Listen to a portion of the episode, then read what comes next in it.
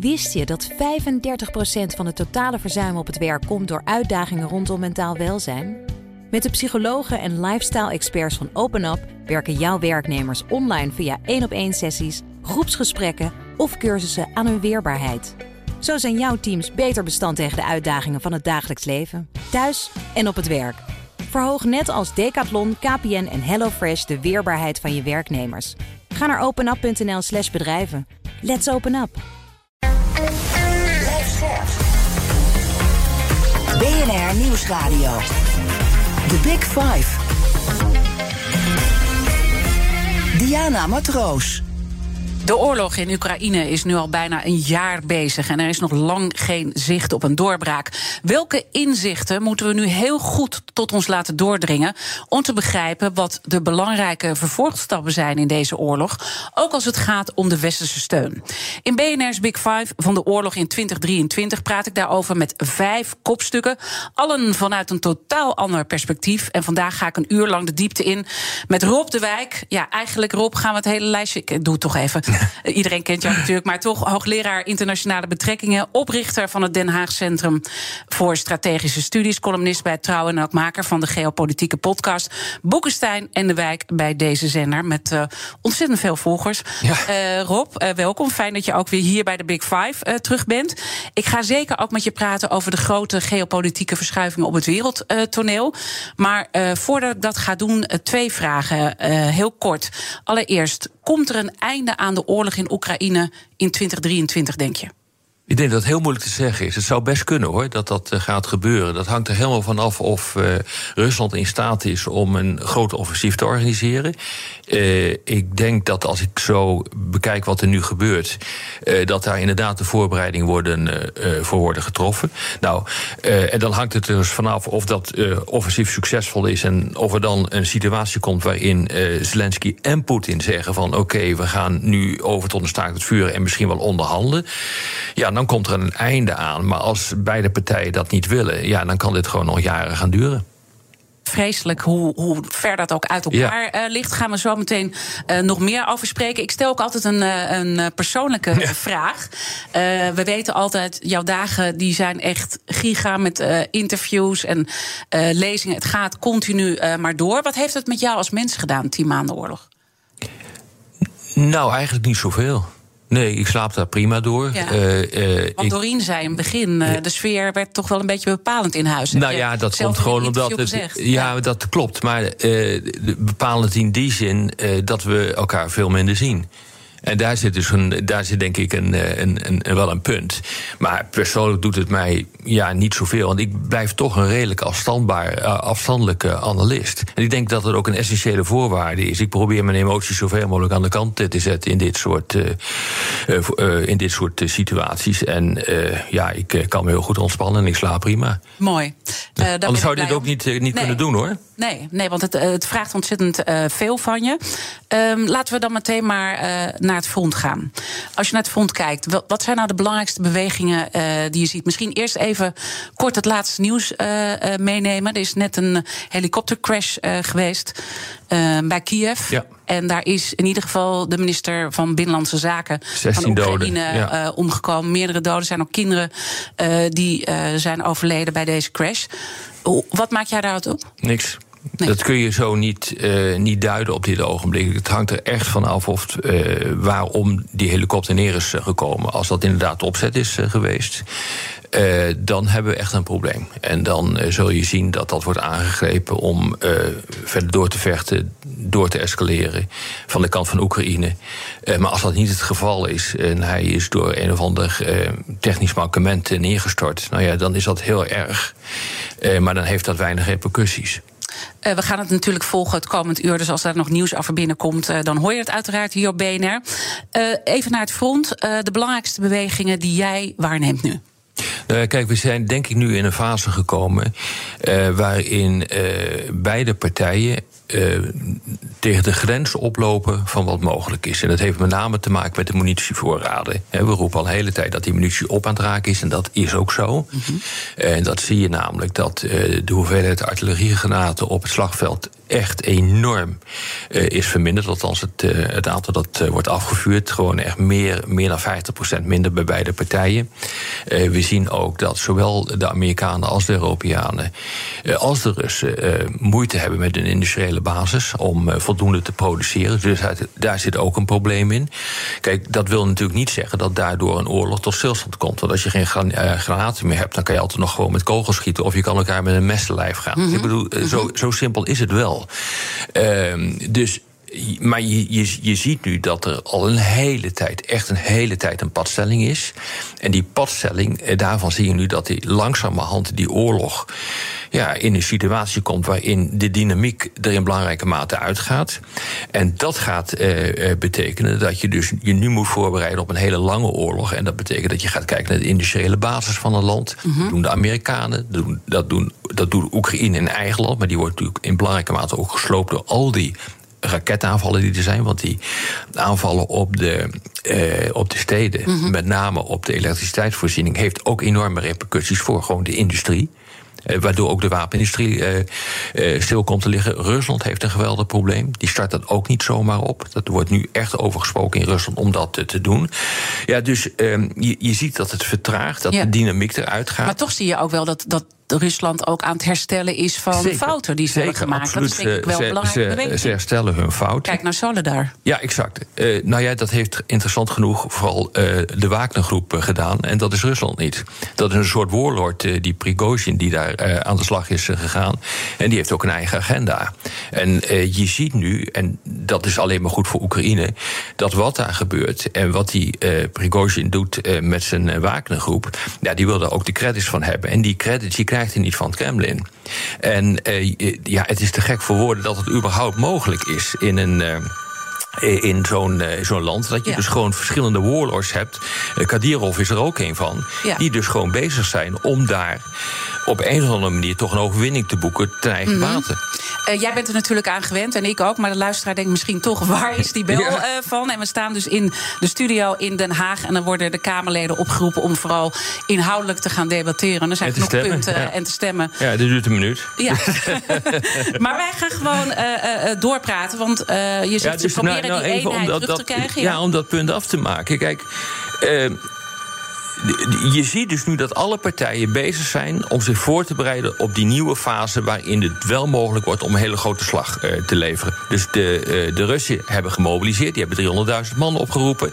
Een pakweg van 150.000 moet nog worden, uh, worden ingezet, voor zover we nu weten. Er wordt nagedacht, kennelijk, over een nieuwe offensief vanuit Belarus om nogmaals Kiev te proberen in te pikken, waardoor eigenlijk gewoon Zelensky gedwongen wordt om uh, zich te gaan verplaatsen. En om het regime alsnog uh, onderuit te, uh, te krijgen. Ehm, je, je, ziet dat er ehm, zwaardere wapens worden geleverd nu naar, do, door het Westen aan, aan Oekraïne. Rusland is bezig om te kijken waar ze hun munitievoorraden, wapens dus vandaan moeten halen. Dus iedereen is nu bezig. Herstellen, voorbereiden. ja, op een, op, een, op een slag waarvan we dus nog niet weten of dat een beslissende slag gaat, gaat worden. Maar dat is dat lenteoffensief waar veel over gesproken wordt. Dat is ook de timing die jij uh, verwacht met de bewegingen die je, nu aan twee nooit, kanten ziet. Je kunt dat nooit precies uh, zeggen wanneer dat uh, precies zal plaatsvinden. Maar ja, dat, de komende maanden moet dat wel gebeuren. En er zijn continu suggesties dat ook Rusland nog weer met een nieuwe mobilisatiegolf gaat komen. Kijk, ze hebben enorme fouten gemaakt. Je hebt gezegd van zijn van een fout aan het leveren, aan het leren. Dat klopt.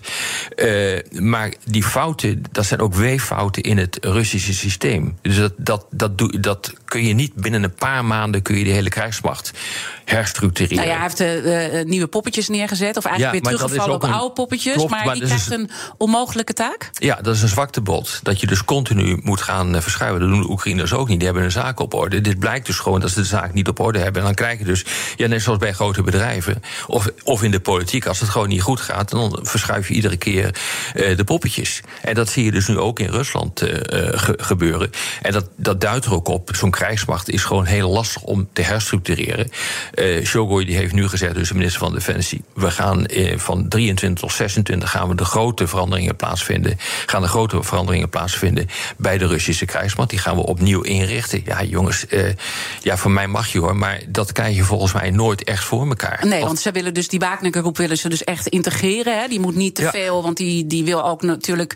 nou ja, te veel eigen eer in dit verhaal. Dan krijg je Zeker. een soort machtsstrijd dat is al, uh, die plaatsvindt. Ja. ja. Kan het ergens ook, want uh, ik merk ook, we, we, onderschatten de Russen altijd. Ja. Uh, en dat vind jij ook.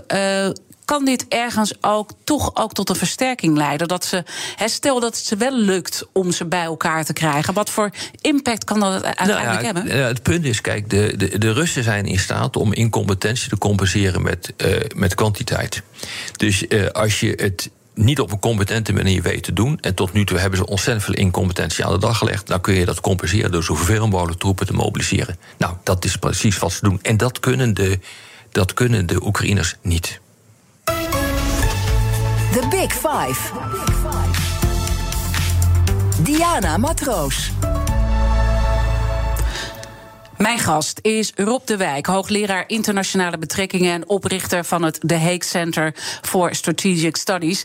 Uh, Rob, je bent continu ook, uh, je zal nooit je bronnenprijs geven natuurlijk, maar met heel belangrijke mensen die er echt verstand van zaken hebben aan het overleggen wat er allemaal gebeurt op het strijdtoneel.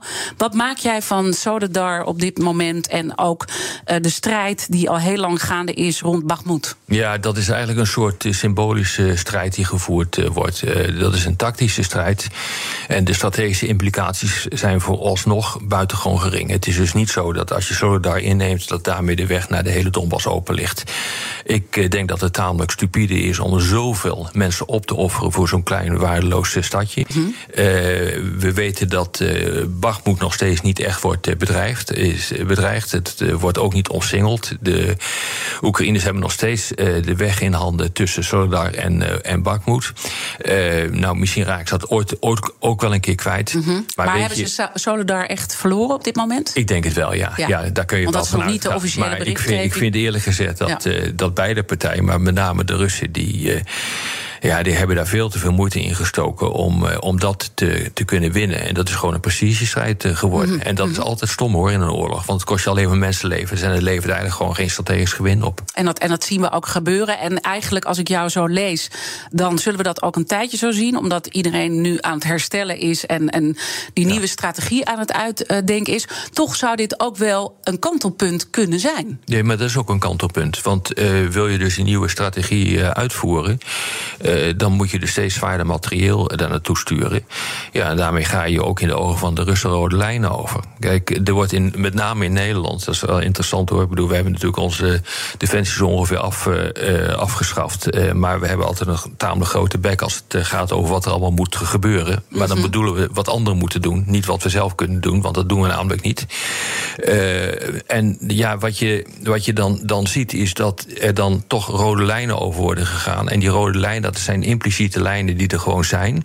En daarmee uh, bedoel je niet de en, Patriots? Uh, uh, nou, die horen, die horen, die horen daar ook wel? bij. Dan okay. zit, je daar heel dicht, zit je daar heel dichtbij. Maar op het moment dat je dus grote aantallen tanks gaat, gaat leveren... ja, dan, dan ga je lijnen over waarvan Rusland al heeft gezegd... van ja, maar da, dan moeten wij daar een antwoord op vinden. En kijk voor de Russen zijn er ook rode lijnen. Bijvoorbeeld, ze bestoken niet uh, de treinen. Uh, waarin hoogwaardigheidsbekleders naar Kiev worden gegaan, uh, worden, uh, worden gebracht, om maar eens wat te doen. Dat is een komen en gaan van mm -hmm. allemaal politici, van regeringsleiders, van hoge militairen. En die kunnen dat redelijk veilig doen. Maar dat komt omdat die, die Russen ook die, die treinen laten gaan. Dat is echt een rode lijn. Als je dat gaat bestoken, zo'n trein, dan weet je dat dat enorme repercussies gaat hebben. Een andere rode lijn voor de Russen is dat je niet buiten Oekraïne de aanvoer van versterkingen, van munitie. Uh, op NAVO-gebied aanpakt. Mm -hmm, mm -hmm. Uh, want als je dat doet, dan weet je dat er een artikel 5-situatie is. Dan gaat de collectieve defensieclausule van de NAVO in werking. Dus dat is ook een rode lijn. Nou, zo zijn er een hele hoop van die impliciete, niet uitgesproken uh, rode ja, lijnen... Dat, waar dat, iedereen zich aan houdt. Maar ja, op het moment dat iemand er overheen gaat, gaat, doet de andere dat ook. Ja, want wat, kijk, jij hebt heel veel kennis van zaken... en je spreekt dus ook al die mensen... en je zegt dus, het is impliciet, maar... Ja laten we toch even met jou de fly on the wall zijn. Hoe, hoe gaat zoiets dan? Dat je gewoon weet.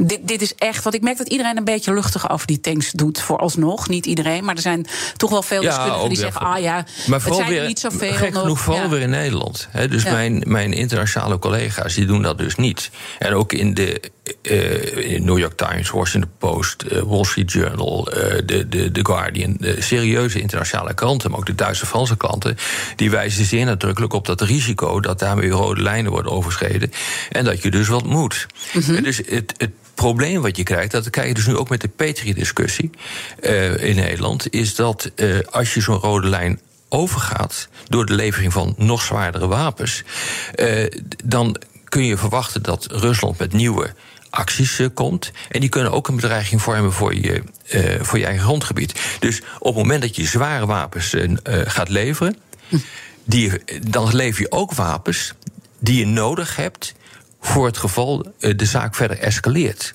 Ja. En daar zit Daar- dat dilemma. crux Dat natuurlijk. dilemma, dat is het cruciale dilemma waar we op dit ogenblik eh, mee zitten. En Mhm. ik weet ook van mijn Amerikaanse collega's dat ook deze discussie loopt in het Witte Huis. Deze discussie loopt in het, eh, in het Pentagon. En ook zeg maar in de groepen waarin ik zit, is dit een belangrijk eh, debat. Mhm. En sommige mensen die zeggen van nou, Rusland doet dat niet. En anderen zeggen van ja, laten we toch even uitkijken, want we weten het niet zeker. Want om, om toch daar wat nadere duiding aan te geven, die tanks, dat, dat is echt heel zwaar materieel. Misschien voor de niet-kenner, leg het even uit Nou alsjeblieft. ja, goed, daarmee kan je dus, een, eh, eh, daarmee kan je dus echt een manoeuvreoorlog eh, uitvoeren. Dus een bewegelijke vorm van oorlogsvoering. Het is een, een, een apparaat met een geweldige vuurkracht. Veel meer dan, dan, dan welk ander wapensysteem op de grond er dan ook. Behalve natuurlijk die roemruchte HIMARS. Hè, die hebben, maar dat zijn raketsystemen. Maar hiermee kan je dus echt op het slagveld een groot verschil maken. De, de technologie die erin zit eh, is eh, indrukwekkend. Eh, is ook beter dan die van, van de Russen. Ja, en dit kan dus inderdaad een verschil maken op het slagveld. Maar Oekraïne die heeft eerst gezegd: we hebben er duizend nodig. Nou, vervolgens zeggen ze: we hebben er eigenlijk drie, 300 nodig. Eh, Sommigen zeggen dan weer 500. Ja, ze krijgen er nu enkele tientallen. Dus de- ook hier zul je weer zien dat de 14 tanks die. Eh, de, de Britten nu gaan leveren. En een aantal tanks die eh, misschien Duitsland eh, gaat leveren met een aantal andere landen. Dat is echt onvoldoende om het verschil te maken. Dus dan zal er weer een push komen om nog meer tanks te gaan Dus leveren. eigenlijk wat je zegt, we doen En dus gewoon nu dat eerste groter. stapje. En, en dan lijkt het allemaal nog mee te vallen. Maar Ja. het eerste stapje vraagt om een tweede en een derde. Zeker. En langzaam word je erin gezogen. Ja, maar we zitten al helemaal middenin. Kijk, en realiseer je, en daar heb je dus nieuwe rode lijnen, ook voor de NAVO zelf. Wat zit er nou nog boven die tanks? Ja. Eh, eh, d- dat is niet zo gek veel meer. En daar zit echt een probleem in. Eh jachtvliegtuigen zou je dan nog kunnen doen. Eh, je kunt bepaalde drones leveren. Eh Grey Eagle drones bijvoorbeeld, die willen de Amerikanen absoluut niet leveren. Ja, dat zijn bewapende drones, maar ook voor, om te kunnen observeren. Want ze zeggen, ja, kijk, als zo'n drone wordt neergehaald... eh, dan eh, kunnen de Russen zien welke geheime technologie we hebben. En dat is iets wat we absoluut niet willen. Daarvoor is dat wapensysteem gewoon te waardevol voor ons. Dat gaan we alleen maar doen als ons eigen land of onze bondgenoten in gevaar komen. Dan kunnen we het doen, maar nu niet. En Nou ja, toch, toch, dit is dus echt een hels dilemma Ja. wat je schetst, waar iedereen nu zijn hoofd over breekt. En Nou, het grappige is, ja, in, in- achter de scherm wordt dat eh, gedaan. En dat Ja. Mhm. speelt natuurlijk nu met die, met die Petri-discussie. Hè, eh, dus ehm, ehm, hoe kijk je dan van, naar het bezoek van Nou, Rutte aan Biden? Nou ja, kijk, ik, ik zat, ik zit ook in zo'n appgroep. En daar gisteren eh, werd ook van de Nederlandse kant van de experts... zei van, mijn god, wat heeft Rutte daartoe gezegd? Ja. En eh, we kennen de details niet eh, van, eh, van Want hij zei eigenlijk, joh, ik moet nog wat, wat, wat, wat Ja. telefoontjes hier en daar doen, wat Ja. puntjes op de i, maar Nou we gaan het, eigenlijk lijkt, gewoon Het doen. lijkt Dat- op een politiek eh, besluit, dat is natuurlijk altijd en terecht, want politici zijn eh, de baas. Eh, maar ik weet niet hoe goed daarover is nagedacht. Kijk, we hebben volgens mij drie systemen, plus één in reserve.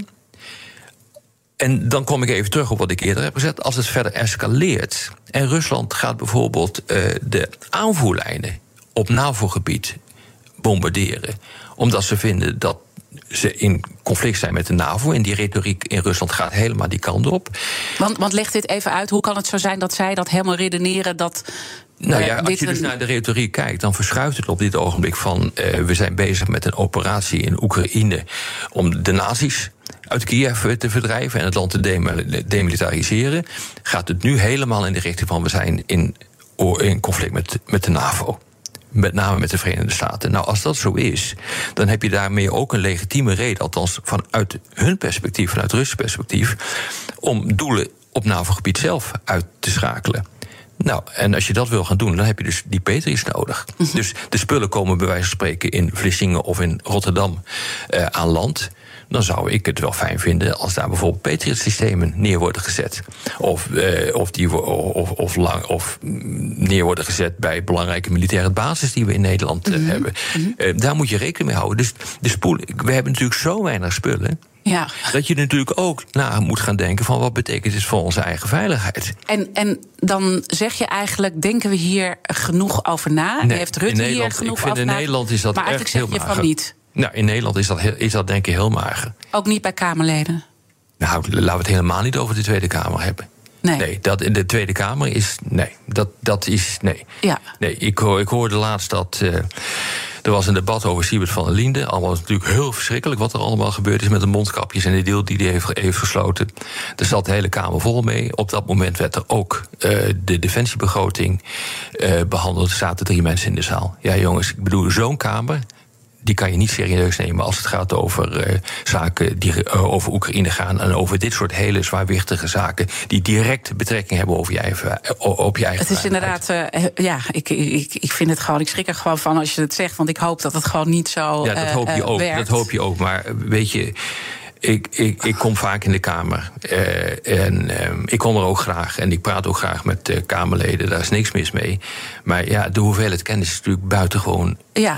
buitengewoon gering. En realiseer je dat dit is kennis die ook stamt uit de Koude Oorlog. Nou heb ik de leeftijd dat ik dat nog een staatje van mee heb gemaakt. Mhm. En uh, mm dat ik. Uh, en Biden heeft dat ook. En, en, Biden heeft dat ook. En Biden begrijpt heel goed hoe dit functioneert. Want Biden doet dit zijn hele leven al, net zoals ik.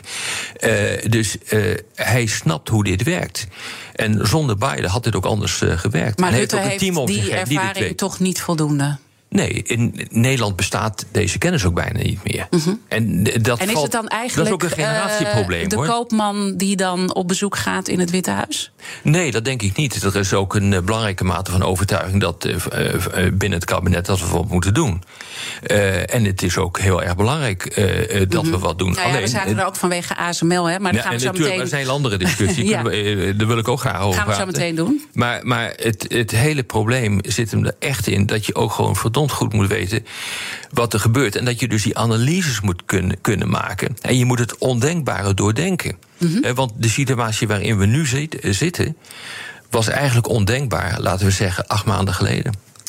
Morgen dan is voormalig NAVO-baas Jaap de Hoop Scheffer uh, te gast. Abonneer je vast op onze podcast via je favoriete podcastkanaal... want dan weet je zeker dat je het niet mist.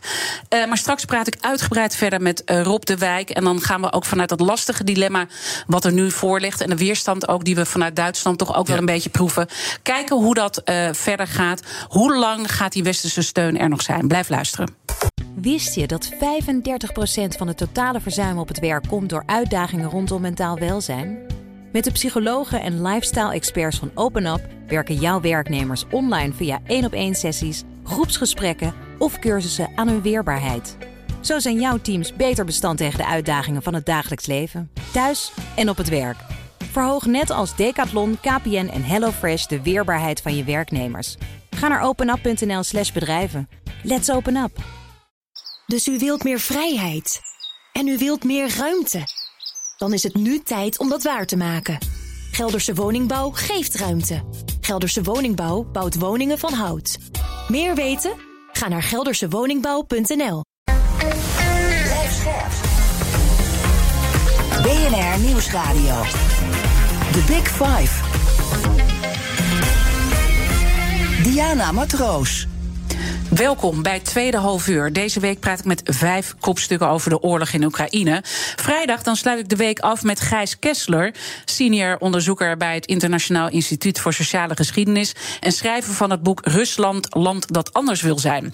Mijn gast vandaag is Rob de Wijk, hoogleraar internationale betrekkingen, oprichter van The Hague Center for Strategic Studies en natuurlijk eigenlijk behoeft erop geen introductie met de bekende podcast hier op deze zender uh, Boekenstein en de Wijk. Uh, Rob komend half uur wil ik in ieder geval nog twee uh, belangrijke onderwerpen met je bespreken. Het feit dat ook uh, ja, toch een beetje uh, draagvlak mogelijk begint af te brokkelen door nieuwsconsumenten die steeds meer afhaken bij somber nieuws. Want we weten allemaal dat we draagvlak ook nodig hebben om nou ja, ook onze positie te kunnen bepalen. En de belangrijke geopolitieke ontwikkelingen en vooral de discussie die nu gevoerd wordt vanuit dat punt waar ik merk waar jij ook zorgen over maakt. We zitten op een, een kantelpunt eigenlijk. En dat heeft met name te maken met het leveren van die uh, tanks. En ze staan voor een hels dilemma. Dat heb je net ook al goed uitgelegd. En dan zie je bij Duitsland een, uh, een weerstand, maar toch ook.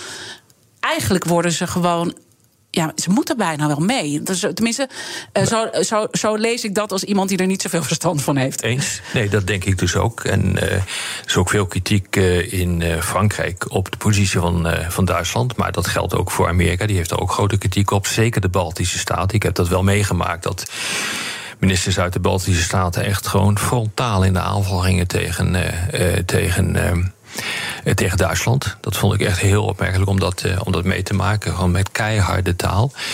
Uh, ja, weet je, kijk, uh, Duitsland aan de ene kant torst de last van de Tweede Wereldoorlog met zich mee. Mm -hmm. Het is echt een land dat enorm veranderd is sinds het einde van de Tweede Wereldoorlog. Het is het meest pacifistische land van, van Europa. Er zitten ook nog een, het is ook het land waar mogelijkerwijs de meeste pro-Russische elementen aanwezig eh, zijn. Grote delen van, uh, van de politiek, uh, althans relatief gezien, die zijn pro-Russisch. Dus daar zit al een probleem in. Dus voor Scholz moet echt manoeuvreren. Uh, tussen de geschiedenis, tussen de, met, tussen de pro-Russische elementen en de internationale gemeenschap. Maar ik denk dat de internationale gemeenschap aan het winnen is. Een medewerker van Macron, een hoge medewerker van Macron, die heeft al gezegd: ja, het lijkt wel uh, Germany first op dit ogenblik. Want ze denken alleen maar aan zichzelf. Ik denk dat dat ook onrecht doet aan de Duitse positie. Want met name uh, die historische last die ze mee trekken is natuurlijk gigantisch. Nou ja, en ze denken er misschien ook uh, uh, goed over na vanuit het dilemma wat jij net hebt geschetst. Oh, absoluut. Dat is en moeten precies, we daar misschien uh, heel dat, blij mee zijn? Dat nee, maar dat, dat is ook precies wat, wat ze doen. Ja. dus je ziet hier dus de twee scholen tegenover elkaar staan. Kijk, het probleem is zo'n conflict krijgt een eigen dynamiek. En je manoeuvreert je in een positie waarin je eigenlijk niet anders meer kunt dan tanks leveren. Terwijl je dat eigenlijk niet wil, om de reden die we in het vorige half uur hebben uitgelegd. Nou, dat soort uh, dingen, dat, dat zie je op dit ogenblik keihard uh, ja. op de voorgrond uh, treden. En dat is echt een groot probleem. En het feit dat je dus die uh, twee lezingen ziet op dit moment, dat wil dus zeggen dat er twijfel is. Nou kan twijfel ook goed zijn in het leven. vanuit ook de argumenten die je net geeft. Maar het kan ook een bepaalde onzekerheid uitstralen. Zeker, want met name Duitsland heeft al gezegd, de hoogste militair heeft gezegd, ja, we zijn gewoon totaal niet voorbereid op een mogelijke confrontatie met Rusland. Ja, en dan hoor je natuurlijk hier met name weer in Nederland, ja, die Russen moet je kijken wat er een puinhoop van maken. Die kunnen we makkelijk aan. Nou, we is in ieder geval niet Nederland, want wij hebben gewoon niks. Nee, dus we moeten uiteindelijk dus, weer geholpen worden door de Amerikanen. Weer, ja. Het zijn weer de anderen die dat allemaal voor ons moeten opknappen, met name de Amerikanen. Dat geldt ook voor Duitsland. Dus uh, de munitievoorraden zijn onvoldoende.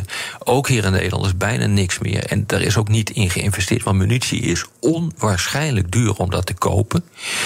En men heeft zich altijd. Het kost tijd om het, het te produceren. Tijd, maar men heeft zich altijd voorbereid op kleine gevechtjes à la. Ja, weet ik veel, noem maar wat, Afghanistan. Daar, nou, daar heb je voldoende voor. Maar niet voor dit soort grootschalige uh, gevechten die gedurende maanden, misschien wel jaren doorgaan. Ja. Dat hebben we gewoon niet. En dus zeg je, dan zou Amerika het uiteindelijk moeten opknappen. Ja. Maar doen we dit niet ook eigenlijk een beetje onder druk van Amerika, die een veel groter belang heeft ook in deze oorlog nee, dan het puur interessante Oekraïne? genoeg is dat dus niet zo. Uh, er is een uh, geheime uh, defensiestrategie uitgekomen van Amerika. Daar is ook een, een, een, een niet geheime factsheet van, van verschenen. En daarin staat ook klip en klaar wat we ook weten. China is voor Amerika veel belangrijker dan Rusland. Mm -hmm. En dit is ook een van de grote, of een van de belangrijke redenen waarom. Maar China Biden... en Rusland, en daar wordt er wel nu getwijfeld ook aan hoe Xi Jinping er intussen in staat. Maar dat was natuurlijk ook een blok samen. In ieder geval. Nee, het is nooit echt een blok geweest. Uh, dat hebben we al geschat. Ja, dat, wordt, dat lees ik ook in de media, maar het is gewoon niet waar. Ja. Uh, Poetin is een soort junior partner van, uh, van Xi Jinping. En die moet, ja, het is absoluut niet zo dat, dat Xi zich laat leiden door Poetin. Mm -hmm. ik denk dat hij zeer teleurgesteld is in Poetin. Want hij heeft hem iets voorgespiegeld van: ik doe een paar kleine operaties, een beetje wat jij vergelijkbaar met wat jij doet tegen de Oeigoeren in Xinjiang. Dat doe ik dan in mm -hmm. Europa. En dat komt allemaal wel goed. Nou, dat is dus niet goed gekomen. maar, maar even voor Amerika staat er minder op het spel dan voor onze Europeanen. En dat is, het, dat is het hele punt. Dat vergeten we iedere keer maar. De Amerikanen helpen ons weer in de brand, uit de brand. Uh, terwijl Met welk belang? Sorry? Met welk belang dat ze dat doen? Nou, uiteindelijk willen ze toch een, een blok kunnen vormen tegen bijvoorbeeld de opkomst van China. Ja, dus, uh, dus hebben ze, toch ze wel een hoger belang om dit te doen. Het is precies hetzelfde wat er tijdens de Tweede Wereldoorlog ja. is gebeurd. Het zijn onze natuurlijke bondgenoten. En je natuurlijke bondgenoten help je omdat het ook in je eigen belang is. Maar voor ons Europeanen uh, zijn de gevolgen het grootst. Ja. Ik bedoel, als het gaat escaleren, dan escaleert het echt mm -hmm. naar, uh, naar Europa toe en niet direct naar Amerika. Ja, en dan schets je enerzijds het beeld van uh, mensen die zich misschien niet voldoende in hebben verdiept of te weinig kennis hebben. De mensen die er wel kennis van hebben. Um, ja, hoe, hoe, hoe maken die nu hun afwegingen? Hoe nou moet ja, ik me kijk, daarbij voorstellen? Je moet een groot verschil maken tussen uh, duiders zoals ik, die een tamelijk uh, klinische analyse maken, maar verder geen verantwoordelijkheden hebben. Dus ik kan makkelijk praten. Zo simpel is het. Ik kan mijn, en ik creëer een dilemma, of ik leg een di dilemma op tafel. Dat moeten ze, onder andere, we zitten nu in de Tweede Kamer hier proberen op te lossen. Of daar in het kabinet, in het katshuis proberen op te lossen. Daar heb ik misschien wel gedachten over. Maar soms uh, weet ik het ook niet meer. En kijk, ik heb jaar in jaar uit heb ik gewaarschuwd uh, tegen al te drastische de, de bezuinigingen op defensie. Niet alleen in Nederland, maar mm -hmm. eigenlijk in heel Europa. Omdat uh, volgens mij was het altijd mogelijk dat een conflict zoals die nu zien gewoon mogelijk was. Dat is altijd van tafel geveegd. En nu zitten we, in het nu zitten we met een probleem. En nu wordt er eigenlijk aan mij gevraagd: van los dit probleem op. Jongens, ja. dat kan ik niet. Nee. Want je hebt die defensies zo verwaarloosd. Je hebt bewust niet uh, ervoor gekozen om geen munitievoorraden uh, aan uh, te leggen. dan moet je nu niet zitten te mekken mm -hmm. dat je niks kan. Want ik kan het niet voor je oplossen. Nee. Op maar dit als ogenblik. je nu de analyse maakt, Europa breed en ook nou ja, de, de, rol die de Amerikanen hierbij spelen, gaat dit gewoon gebeuren dat we echt overstag gaan, helemaal met die tanks en dat er steeds meer komen en dat we eigenlijk ja. gewoon in een heel gevaarlijke situatie ja, gaan geven? Ja, dat is absoluut juist. Want ik heb uh, ook uh, een, een, kwartier geleden heb ik gezegd van... Wat zit er dan nog boven de tanks? Ja. Dat zijn jachtvliegtuigen. Dat zijn misschien nog wat wapensystemen. Maar je, je, komt aan het eind van de lijn. En de volgende stap is dan logischerwijs dat je gewoon zelf gaat meevechten. En dat is een, dat is een stap die logisch is. Zeker als je kijkt naar de dynamiek die er nu is, waarbij uh, de Russen zeggen wij zijn in conflict met de NAVO. En zeker als je dus een, die rode lijnen overgaat. En, mm -hmm. en, en als de Russen dus om wat voor reden dan ook een aanval uitvoeren. Bijvoorbeeld tegen de aanvoerlijnen op uh, NAVO-verdragsgebied, ja, dan heb je waarschijnlijk geen keuze meer. En in dat soort dingen, ja. daar, daar kom je op een gegeven ogenblik, als dit zo doorgaat, voor te staan. Want en dat maak is je dan zorgen over een derde wereldoorlog? Nee, nou ja, nee, een groter conflict in Europa. Waarbij ook de NAVO betrokken is. Uh, een derde wereldoorlog, dat zou betekenen dat tegelijkertijd de Chinezen moeten zeggen van oké, okay, nu pakken we Taiwan. Dat zou kunnen. Uh, en, uh, en je ziet op dit ogenblik al wat er aan de, de zuidkant van uh, Rusland gebeurt. Armenië, Azerbeidzjan, die, die komen continu met elkaar in conflict. En dat, dat, dat wordt ook opgepookt op dit ogenblik. En dat heeft gewoon te maken met de verzwakking van, van, van Poetin. dus je ziet dat als dat gaat gebeuren, er ook conflictjes zullen ontstaan. bijvoorbeeld in de voormalige zuidelijke Sovjet-republieken, Azerbeidzjan, Kazachstan, noem maar op. Die gaan dus natuurlijk ook hun knopen tellen. En die uh, gaan zich afvragen van waar ga ik me bij aansluiten en hoe ga ik dit doen. Nee, dit is dit is bloedlink wat hier op dit ogenblik gebeurt. Ja, en ik hoor je, je zorgen door de woorden heen. Zou, zou er ergens een aanleiding zijn van Poetin om uh, niet die stap uh, te zetten? Want Zeker. Want hij uh, vreest natuurlijk ook voor uh, escalatie. Mm -hmm. Maar hij kan natuurlijk redeneren van... oké, ik ben nu in conflict met de NAVO... en gedeeltelijk is dat ook zo. Mm -hmm. en dat betekent dus dat ik toch geen andere keuze heb... dan een verdere stap te nemen. dus dat is het grote probleem van dit soort conflicten. het levert een dynamiek op... Ja. Die, die je allemaal niet wil... die je kunt voorspellen... En waar je dan ook feitelijk wel de scenario's voor kunt uittekenen van wat er dan gaat gebeuren. Maar je weet nooit of het links of rechts wordt. Nee, kijk, we hebben geen glazen bol. Nee. Dat weten we dus niet. Maar dit soort dynamieken eh, kennen we uit de geschiedenis wel. En is er dan uh, een, een, bepaalde groep in Rusland die toch nu begint te denken met alle steun uh, voor Poetin, bijvoorbeeld de elite. Um, dit wordt toch misschien het moment om, om in te grijpen en daar iets te gaan doen. Nee, dat denk ik niet. Nee, nee, dat denk ik niet. En, uh, ik ben, uh, ik ben geen echte Rusland-deskundige, uh, maar ik ben daar zo vaak geweest. Ik, ik ken heel veel van die, van die elite. dat houdt elkaar allemaal vast. Als je er één centje uithaalt, dan sodemiet het hele bouwwerk in elkaar. Dus je gaat uh, Poetin niet zomaar aan de kant zetten. Dat doe je gewoon niet. Of je gaat hem veranderen, uh, vervangen door iemand met gelijke denkbeelden, met een gelijke positie. Uh, een zetbaas. Maar ik denk niet dat dat, dat dat snel gaat gebeuren. De steun van de bevolking is nog steeds erg groot hoor. Laten we zo meteen verder praten, maar eerst. Wist je dat 35% van het totale verzuim op het werk komt door uitdagingen rondom mentaal welzijn? Met de psychologen en lifestyle-experts van OpenUp werken jouw werknemers online via één op één sessies, groepsgesprekken of cursussen aan hun weerbaarheid. Zo zijn jouw teams beter bestand tegen de uitdagingen van het dagelijks leven, thuis en op het werk. Verhoog net als Decathlon, KPN en HelloFresh de weerbaarheid van je werknemers. Ga naar openup.nl/slash bedrijven. Let's open up. Dus u wilt meer vrijheid. En u wilt meer ruimte. Dan is het nu tijd om dat waar te maken. Gelderse Woningbouw geeft ruimte. Gelderse Woningbouw bouwt woningen van hout. Meer weten? Ga naar geldersewoningbouw.nl. BNR Nieuwsradio. The Big Five. Diana Matroos.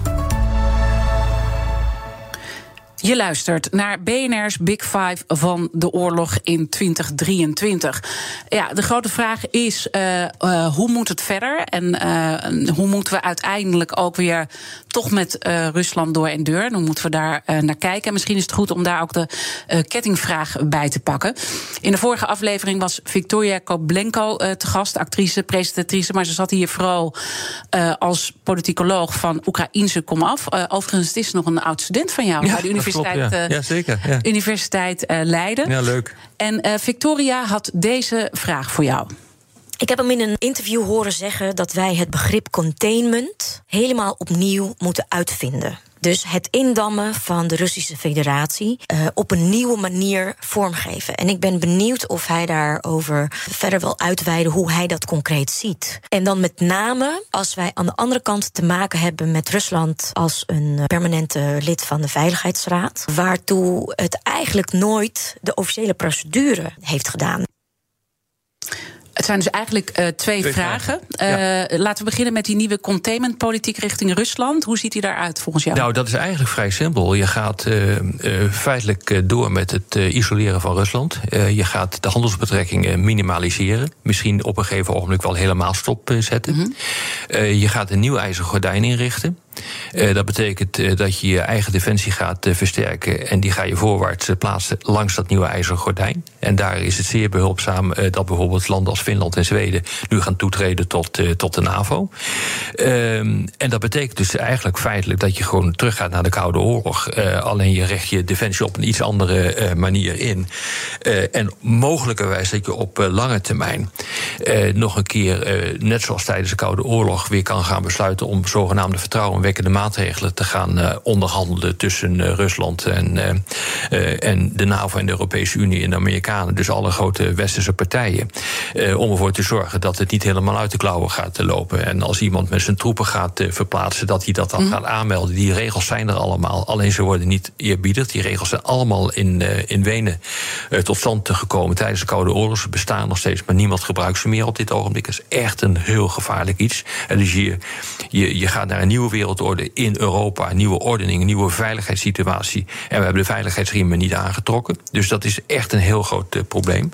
Uh, dus in die zin is die vraag vrij makkelijk te beantwoorden. En ik heb tot nu toe ook, uh, zeg maar, in de discussies die ik volg, ook internationaal, ehm, niet gezien dat hier echt totaal andere meningen over zijn. Dus dat je naar wat ik dan maar noem containment 2.0 mm -hmm. gaat, dat is een algemeen aanvaard concept. Maar als je dat dan relateert aan de procedure die Rusland nooit officieel heeft gevolgd, hè, dan ja. gaat het over het moment van 1991. Ja. Uh, waar natuurlijk ook nou ja, nieuwe afspraken hadden gemaakt moeten worden, maar waar het niet is gebeurd. Kan dat, dat in de weg staan? Ja, alles kan het in de weg staan. En een groot probleem is dat, dat Rusland. Ja, zijn ware gezicht nu alweer voor de zoveelste keer heeft getoond. Dus dit is gewoon een, een land dat een totaal andere strategische cultuur heeft. Dus oftewel anders nadenkt over macht, machtspolitiek, defensie mm -hmm. uh, dan wij. En het heeft ook een andere politieke cultuur. Namelijk uh, vinden dat je dus door middel van het creëren van, uh, van, van, van vijandbeelden ervoor moet zorgen dat, uh, dat je ook de eigen bevolking mobiliseert. Nou, dat is wat er hier uh, gebeurt. Mm -hmm. Om nog even terug te komen over die vraag van Victoria. over de v VN. Nou, dat is natuurlijk ja, precies, een belangrijk, heel ja. erg verschrikkelijk belangrijk punt. Het, Rusland is een, een, permanent lid van de Veiligheidsraad. Ja. Kan dus alles blokkeren. Waar ze dus niet de officiële procedure voor hebben gevolgd? In 1991? Nou, ik weet niet wat je daar precies mee bedoelt met de officiële procedure. Nou, eigenlijk heeft Yeltsin gewoon gemeld... wij uh, zitten als Rusland bij die Veiligheidsraad zo ongeveer. Nee, het is gewoon, nee Rusland is gewoon de opvolgerstaat van, uh, van de Sovjet-Unie. Daar was, uh, daar, was men, daar was het men onmiddellijk over eens. Dat is gewoon zo. En dat betekent dus ook dat bijvoorbeeld de kernwapens... Nou, die kaart speelt namelijk Oekraïne wel... dat ze nooit ja, de officiële procedure nee, dat hebben is gewoon gevolgd. Niet waar. Nee, dat is... Ik, ik kijkt er echt anders tegenaan. Okay. Dus ook, dit verklaart ook waarom ook de kernwapens uh, naar Rusland zijn gegaan. Het is gewoon een land dat de echt gewoon de, juridisch, de juridische opvolger is, uh, vind ik hoor. Ja. Uh, van. Oké, okay, maar, maar, los daarvan, wij denken altijd vanuit instituties en vanuit bepaalde regels die er zijn. En ja, die we zitten daar toch ook in gevangen. Omdat nou ja, die worden nu niet gevolgd natuurlijk. Ja. Kijk, je, je, je, hebt als permanent lid van de Veiligheidsraad een hele bijzondere opgave. Namelijk het, het, het het, uh, het, creëren van een veilige wereld. waarin uh, oorlog afwezig is. Ja. En je uh, bent nu bezig om met voeten te treden. dat wat er in het handvest van de Verenigde Naties staan. Vandaar dus, wat je dus nu ziet, is dat die Veiligheidsraad. die wordt feitelijk uitgehold. Ik ben blij dat die nog bestaat, dat er nog met die Russen wordt gesproken. Maar je ziet dat bijvoorbeeld de veroordelingen van Rusland. die kunnen niet plaatsvinden binnen de Veiligheidsraad. maar die gaan via de zogenaamde Uniting for Peace procedures. nu naar de algemene vergadering. Dus je ziet dat door, door dit gedrag van Rusland de algemene vergadering nu aan belang aan het toenemen is. En daar vinden de veroordelingen uh, plaats. En is dat dan een goede zaak? Nou ja, dat vind ik een hele goede zaak dat dat gebeurt. Ja. Want dan, dan, maar dan toch, wordt er in ieder geval nog iets gedaan. Dan wordt er in ieder geval op mondiaal niveau nog iets gedaan en afgestemd. Mhm. Mm maar uh, ja. Nee, dit is echt wel een probleem. Als dus een, uh, als, als één lid van de, van de Veiligheidsraad, in dit geval een permanent lid, dus een van de vijf oude overwinnaars van de Tweede Wereldoorlog die ook kernwapens hebben zich op deze manier gaat gedragen, heb je een probleem. Dan, uh, dan, dan scheurt het hele systeem op Ja. mondiaal niveau. En, en, en hoe komen we daar dan uit? Want je kan ze niet, Nou, niet. eruit zetten. Nee, dus je gaat gewoon een containment krijgen. Dus je gaat gewoon het isoleren van Rusland.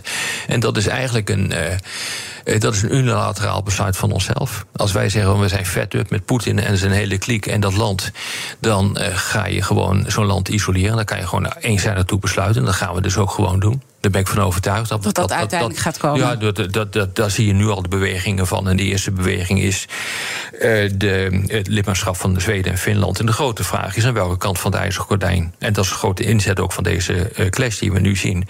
eh, komt Oekraïne te liggen. Zeg het maar. Is dat aan de Russische kant of is dat aan, laten we zeggen, onze kant? Dat is gewoon het hele punt. Dus als je zo ook gaat redeneren... dan krijg je heel snel een discussie over het lidmaatschap van Oekraïne... of wat daarvan rest, tot de NAVO. Ja. Misschien een mooie brug naar de gast eh, morgen. Eh, want dan spreken we met Jaap de Hoop Scheffer, voormalig baas van de NAVO. Ja. Wat zou je hem willen vragen? Nou ja, kijk, eh, Jaap was inderdaad de voormalige baas van de NAVO. De huidige baas van de NAVO, Stoltenberg, die heeft onder andere in Handelsblad, maar heeft het ook elders gezegd, dat eh, de NAVO-landen veel meer materieel moeten leveren. En dat we zoveel materieel moeten leveren dat, de, dat Oekraïne dit kan gaan winnen dat hopen we ook inderdaad, dat Oekraïne dit eh, kan gaan winnen, althans in dit deel van, eh, van de wereld. Maar de grote vraag is aan Jaap: eh, zou je dat nou ook hebben gedaan als SG-NAVO? want is dit wel eigenlijk je mandaat?